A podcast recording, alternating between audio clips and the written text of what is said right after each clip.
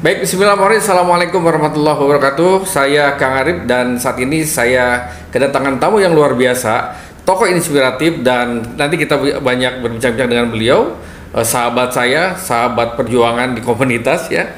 Dan tiada lain ini eh, luar biasa sekali saya undang Dr. Rianti Maharani.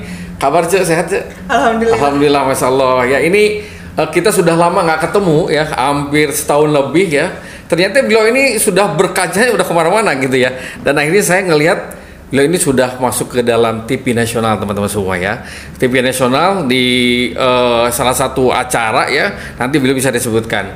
Sehat alhamdulillah, alhamdulillah. bisa sapa dulu uh, sahabat podcast uh, Sanet News uh, Cedok, enggak? Iya, assalamualaikum sahabat Sanet, senang berada di sini. Alhamdulillah, alhamdulillah. Ya sebenarnya saya malu tiba-tiba disapa sama Kang Arif. Walah itu saya mau main todong-todong aja pokoknya. Uh, di Facebook ya. ya di Facebook. Jadi saya pas lagi uh, upload di uh, waktu di Kompas, ya, ya kan? Saya upload Oh, kok udah masuk Kompas TV? Iya, Kompas TV. Kompas TV, biasa kan kita saya, boleh nyebutin ya. Iya. Kompas TV, TV One. TV One, saya kan biasa kan behind the skin-nya behind saya skin upload Allah. di Facebook uh, saya terus iya, tiba-tiba iya, iya, iya Ulu Ucu di Kompas TV. Iya, nggak ngajak ngajak ini. Saya aja di sama Kang Arif belum ketemu lagi. Masya Allah. Tiba-tiba udah ada di Jakarta kan. Di Jakarta lagi ya, Masya Allah. Di Sunny TV aja belum saya penuhi undangannya. Iya, padahal udah lama kita nungguin iya, kan Padahal gitu. cuma berjarak berapa kilometer aja.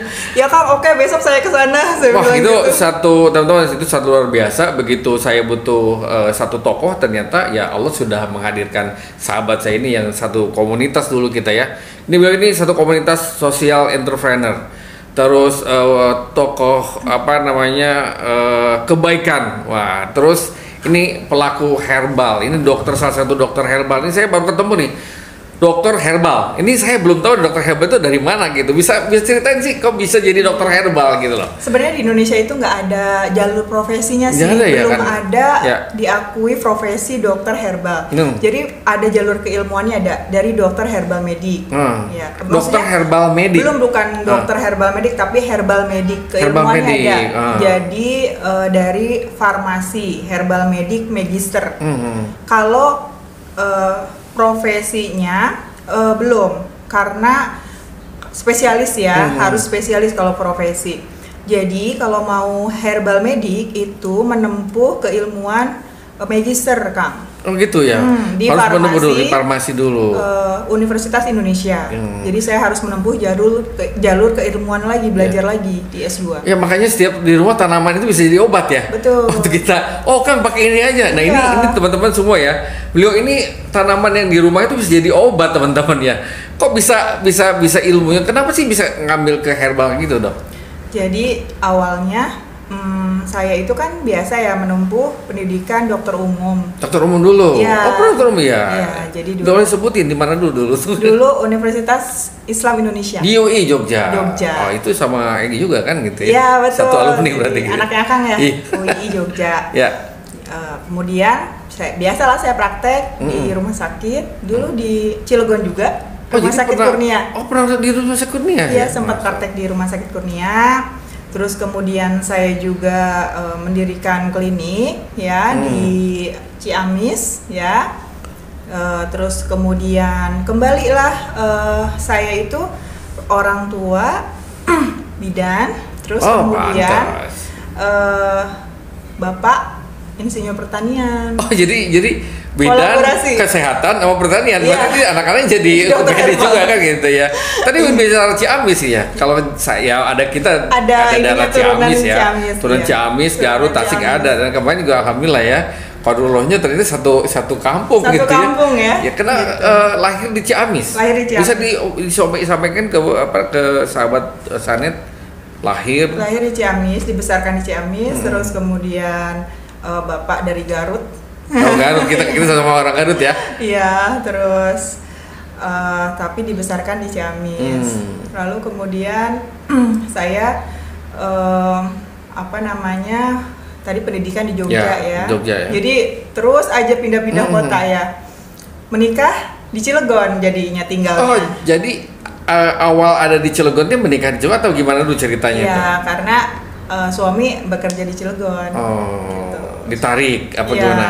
Oh gitu ya. Suami uh, apa namanya orang Purwokerto tapi um, apa bekerja di sini. kerja di sini jadi orang-orang apa namanya orang industri ya di situ Iya, ya kan itu gitu. masya Allah kan itu dok mm-mm. ini eh, sampai apa namanya kenapa sih sampai suka ke tanaman ya gitu Iya. sebelum tadi kan ada ibu bidan dari kesehatan terus ayah insinyur pertanian kenapa tiba apa didorong oleh keluarga kamu harus jadi tukang obat dari tanaman gitu kan gitu apa Jadi- gimana itu ceritanya? Eh, sebetulnya saya kerja dulu tuh ah enjoy juga sih ya kerja di Mm. rumah sakit, kemudian mendirikan klinik juga gitu ya Mm. sama klinik herbal atau dulu biasa klinik biasa. oh gitu Tapi kebetulan eh, papa saya mengenalkan tentang tanaman obat sih. Papa Tanaman saya yang obat. punya passion, passion Oh. untuk bahwa kita tuh eh, apa namanya ya diberi ilmu dan ditunjukkan gitu ya bahwa tanaman tuh bisa loh menyembuhkan gitu kan. Hmm. Sehingga saya itu banyak dibawa keluar kota karena beliau ada beberapa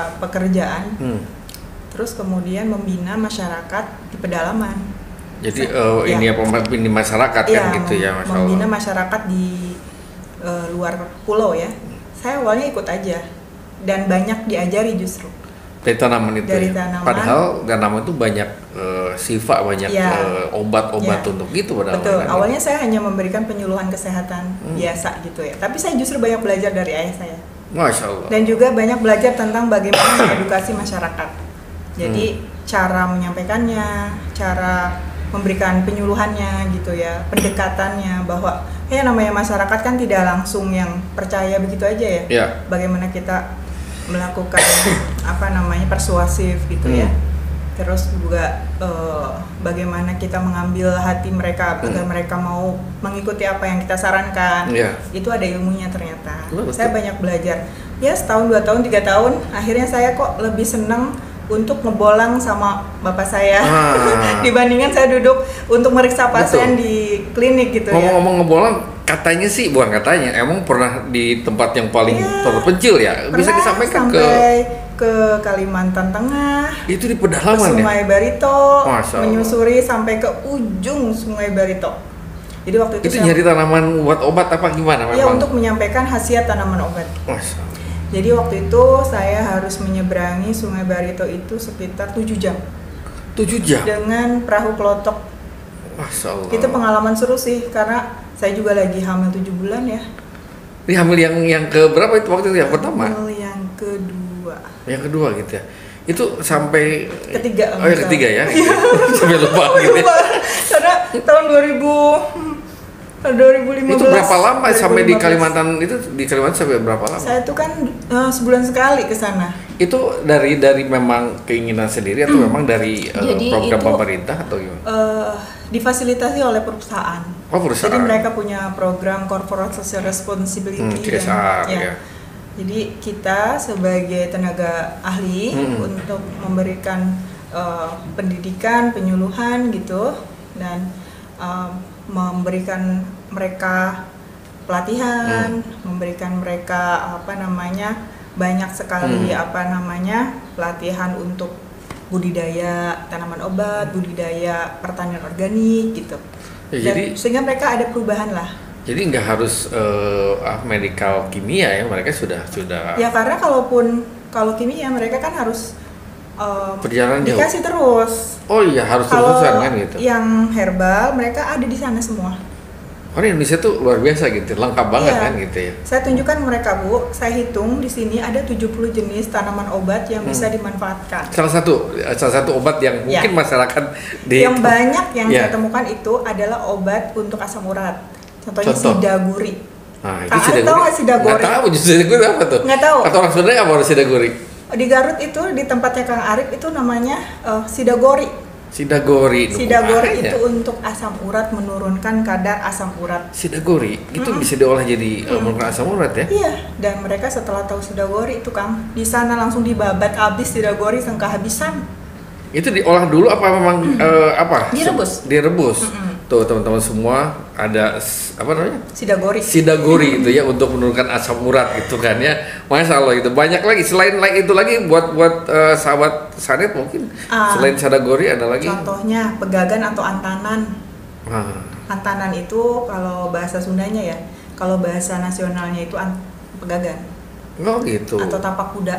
Oh gitu ya. Kalau bahasa Latinnya atau bahasa kerennya itu Centella asiatica. Wah gitu ya. Itu di punten ya. Ini di di pondok saya, eh pondok saya, pondok kami di Mancak itu lengkap dok. Nanti dokter kalau ke sana tuh ya, itu lengkap eh, tanaman-tanaman yang mungkin dulu gitu ya. Saya mikir mimpi saya waktu ada pengen ada ada pondok yang di Mancak itu itu layar, pengen ada tanaman dan begitu eh, sama pengurus ini banyak ada 100 macam.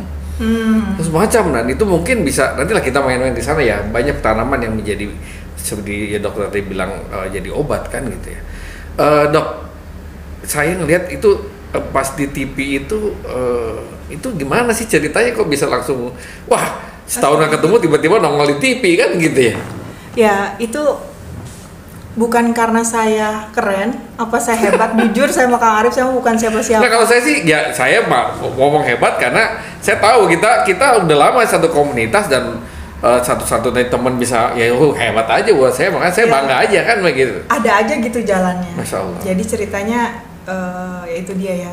Saya mah merasa saya tidak melakukan apa-apa gitu ya. Hmm. Perasaan banyak dokter di luaran sana ya, Iya. yang spesialis banyak. Iya. Saya mah dokter umum, hanya saja mengambil keahlian sebagai herbal, Herbal, medik. herbal Saya medik. kuliah lagi, emang effortnya besar banget sih. Hmm, hmm. Saya cerita dulu ya, apa-apa. bagaimana belajar herbal medik. Iya, iya. Buat saya yang istilahnya, saya kalau meraih sesuatu tuh kan eh, usahanya itu bukan yang dicapai dengan mudah. Hmm. Artinya saya juga alhamdulillah masih punya orang tua Misalnya. eh, lengkap gitu Hmm. ya. Tapi orang tua saya mengajarkan saya mencapai segala sesuatu tuh Oh, dengan sendiri. usaha sendiri gitu Mandiri, ya. iya. Jadi eh, apa namanya waktu itu saya biaya sendiri gitu ya sambil kerja. Hmm. Terus eh, eh, jadi disambi-sambi gitu. Ya kuliah, ya anak juga eh, sekolah, ya ibunya sekolah juga.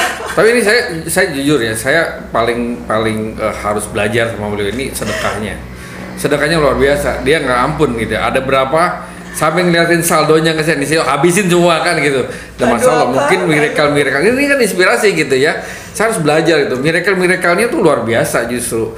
Ya ini salah satu masuk TV itu kan satu miracle kan gitu ya. ya apa ya? Ya itulah pokoknya usaha saya itu ya karena ya saya bukan saya ngerasa bukan siapa-siapa kang. Jadi saya yakin itu tangannya Allah bukan tangan saya. Betul. jadi itulah ya usaha eh, saya cuman punya eh, ya saya herbal mediknya itu dengan usaha yang Hmm. luar biasa. Eh, waktu itu ya biayanya nggak kurang-kurang ya kang saya harus kerja terus saya juga harus biayain anak juga sekolah terusnya juga dari sini ke Depok juga Oh iya, pernah Depok PP, cerita ya? iya kan Karena PPA aja dulu di, di Depok ya katanya. iya Oh iya iya. iya. PPA saya kan riset juga pernah di Depok Oh, tapi Depok. PPA-nya pertama di Serang Di Serang ya. terus eh, masalahnya kerjanya saya kan nggak di satu tempat kan Hmm, hmm. lintas pulau Itu yang di sana di Kalimantan itu ya. nggak di Kalimantan doang kan Barito pernah kan ya? Iya, jadi saya tuh di mana pun diperlukan, saya loncat Siap. sana loncat sini. Masya Allah. Jadi kalau eh, misalkan di perusahaan eh, kan kebanyakan daerah tambang kang. Hmm. Jadi kalau misalkan di bagian Kalimantan misalkan satu minggu, ya udah saya pergi ke Kalimantan. Penyuluhan aja gitu. Iya. Ke masyarakat Ke ya. bagian pedalaman. Terus kalau di NTB ya di NTB. Hmm. Kalau di Sulawesi ya udah di Sulawesi. Jadi terus saya bagi-bagi waktunya saya kuliah gitu loh. Jadi effort saya untuk kuliah sambil bekerja itu ya berasa Iya. banget. Dan kuliah di herbal medik itu mm, ya ada praktikumnya, ada ya apa luar biasa gitu loh. Iya. Sampai halnya cobaan saya yang paling berat adalah di pertengahan itu Hmm. ketika saya terkena ada penyakit TB ekstra paru. Oh yang itu. Boleh diceritain. Mungkin story-nya dari situ gitu ya. Tapi iya, bisa bisa. di mana Nah. karena mungkin itu adalah eh, melemahnya sistem imunitas tubuh Hmm, ya. Eh, ya namanya saya dokter kena TB gitu loh. Hmm. Ya kan? Kenapa gitu kan? Hmm. Kebanyakan kan yang kena TB adalah orang yang nggak tahu tentang higienitas, tentang kebersihan, ya Hmm. Betul, kan? betul. Eh, ya kemungkinan karena ketika Sering saya keluar iya ya? kan Oh.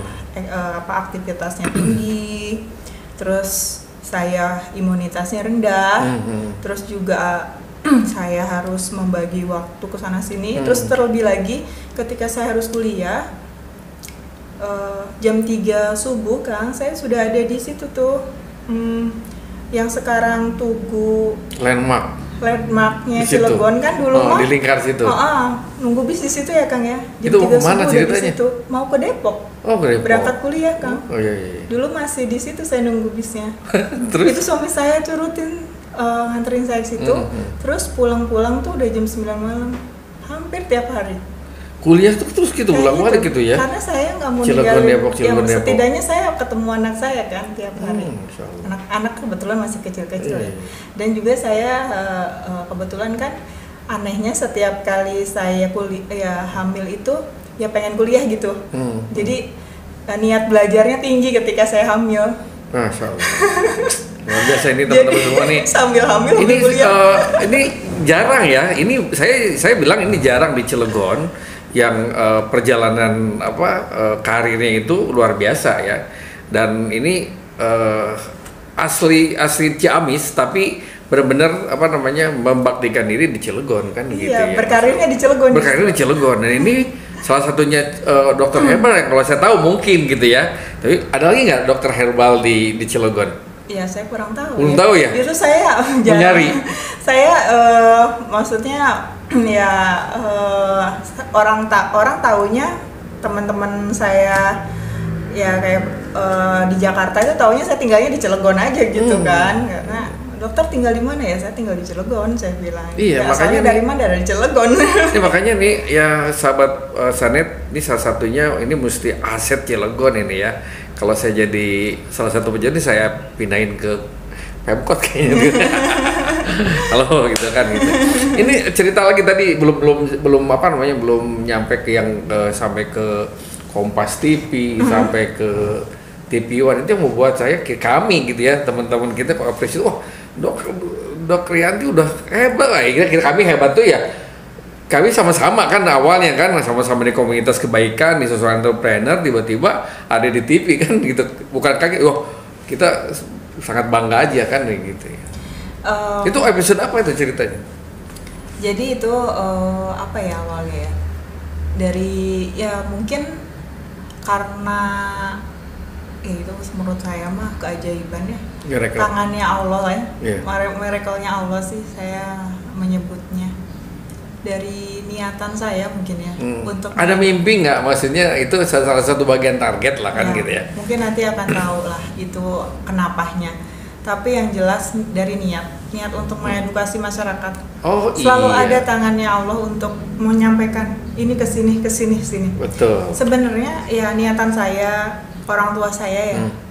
papa mama tuh papa tuh kan papa saya juga niatannya itu untuk mengubah polanya masyarakat. Nah gimana cara berpikir orang untuk mengembalikan hitohnya alam gitu ya bahwa balik lagi mengembalikan eh, kelestarian alam betul jadi sebetulnya itu juga didikan orang Ah, tua. iya. Orang tua saya itu selalu mengajarkan masyarakat untuk membudidayakan eh, secara organik. Hmm, hmm. Bagaimana masyarakat bisa melestarikan alam dengan tidak meracuni eh, tumbuhan betul dengan pupuk-pupuk buatan, betul betul menyemprot Iya. pestisida.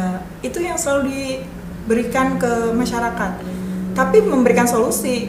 Nih, kalau nggak pakai pestisida, pakai cara yang lebih arif gitu loh Hmm. dengan bikin sendiri bukan nama saya ya ya eh, Dikasih solusinya gitu loh. ada, Kang. pokoknya itu aja. Ada, Iya, ilmunya betul, ya. ada. Itu yang di betul Dan Allah tuh ngasih jalan loh, Kang. betul pasti ini perusahaan kasih fasilitas Hmm. dikasihlah program CSR jadi Keliling. dikasih kendaraan ke Indonesia ya. ngasih nih ini kasih tahu nih orang-orang bahwa di dalam tubuhan itu ada kebermanfaatan adalah Gitu. adalah almarhum Pak Arifin Panigoro adalah beliau yang ngasih suruh perusahaan-perusahaan Oh, beliau beliau ya baru kemarin ya Allah maafirlah wa fiha wa fa'ala. makanya beliau andil banget melalui Iya, iya. beliau jadinya gaung bertular gitu. Iya. Adalah Pertamina, betul ya adalah PT Pale Energi. cesarnya justru langsung gitu ya dokter keliling gitu kan ya Melalui eh, bapak saya, saya bisa berpresentasi Hmm. ke eh, saya saya presentasi ke di- direktur Hmm. untuk herbalnya karena kan sebelumnya padi organik programnya. Hmm. Herbalnya belum ada. Ang. Masya Setelah saya her- eh, masuk ke herbal medik, baru saya presentasi tentang eh, herbal organiknya. Iya. Kan sebelumnya padi organik ya, Betul. belum herbal organik bang. betul Nah, setelah saya karena saya itu kan dokter biasa awalnya. Hmm. Belum capable meskipun saya sudah tahu tentang tanaman obat, tapi Hmm. belum saya punya lisensi tentang herbal. Hmm. Saya belum merasa kayak saya kompeten gitu loh, Kang. iya iya Jadi meskipun saya ngasih penyuluhan, tapi saya belum jadi uh, kompeten di bidang herbal, saya belum berani. Tapi ketika saya sudah menjadi herbal medik, Hmm. saya baru bisa. masya Allah Kayak gitu loh, Kang. Jadi ya itulah kalau eh, kita di dalam oh, minum dulu minum dulu Iya, minum dulu ya. sambil dengar Yes, ya. silakan. Sambil dengerin. Eh, ya Allah tuh nggak nggak eh, nggak salah milih pundak kan begitu ya. Kalau kita menebar kebaikan, kalau kebaikan cuma di situ, Nah, itu. diperluaslah, Iya. diperluaslah kebermanfaatan itu. Jadi kan. itu Allah ngasih kendaraan. udah ada kendaraannya ya. Masya Nah, itu salah satunya. Nah, televisi juga begitu saya pikir.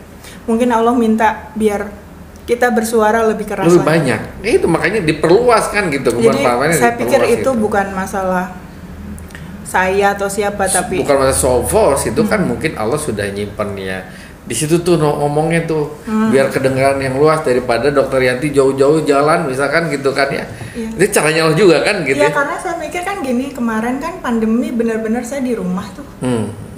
ya saya mikir oh mungkin saya disuruh istirahat tapi di rumah katanya bikin ini ya kemarin olahan-olahan apa obat-obatan katanya bukan saya ya itu mereka oh oke. jadi kan saya sebenarnya mengajarkan Eh, target saya menyampaikan edukasi itu pertama untuk menjadikan mereka sebagai penyehat tradisional penyehat tradisional yang berlisensi. Saya Betul. sambungkan ke, eh, ke sertifikasi sebagai penyehat tradisional HATRA. Ada sertifikasi kompetensi BNSP-nya. oke ada Nanti disambungkan ke eh, penyehat tradisional yang dilindungi oleh dinas kesehatan di daerahnya masing-masing. Cilegon gimana Saya kurang paham karena mungkin saya kita juga- bikin aja lah ya mungkin kalau pemkotnya bisa oh ya maksudnya kita dulu nih bikin ya eh, apa kalau misalkan ada yang interest di sini saya bisa banyak sih ya belum Betul. kita ajak aja teman-teman ya kalau kalau sekali lagi misalkan ada yang passionnya sebagai penyehat gitu ya Ya.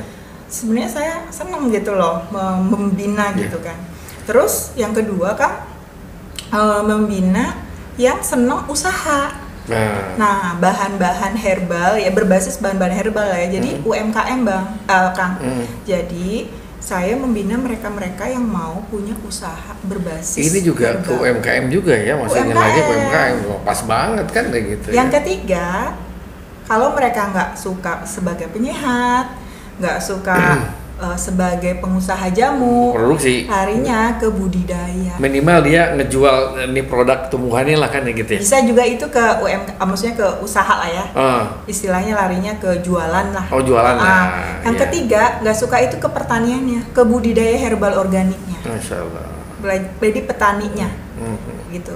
Jadi tujuannya itu sih goalnya. Hmm. Jadi saya ngebina, bukan saya yang jualan, bukan saya yang praktek obatnya gitu ya. Saya Oh, cuman boleh. punya ilmu aja sih, cuma edukasi aja edukasi gitu aja. Emang Masya- itu cuman itu doang yang saya bisa, gitu. Saya tuh cuman itu aja kemampuannya.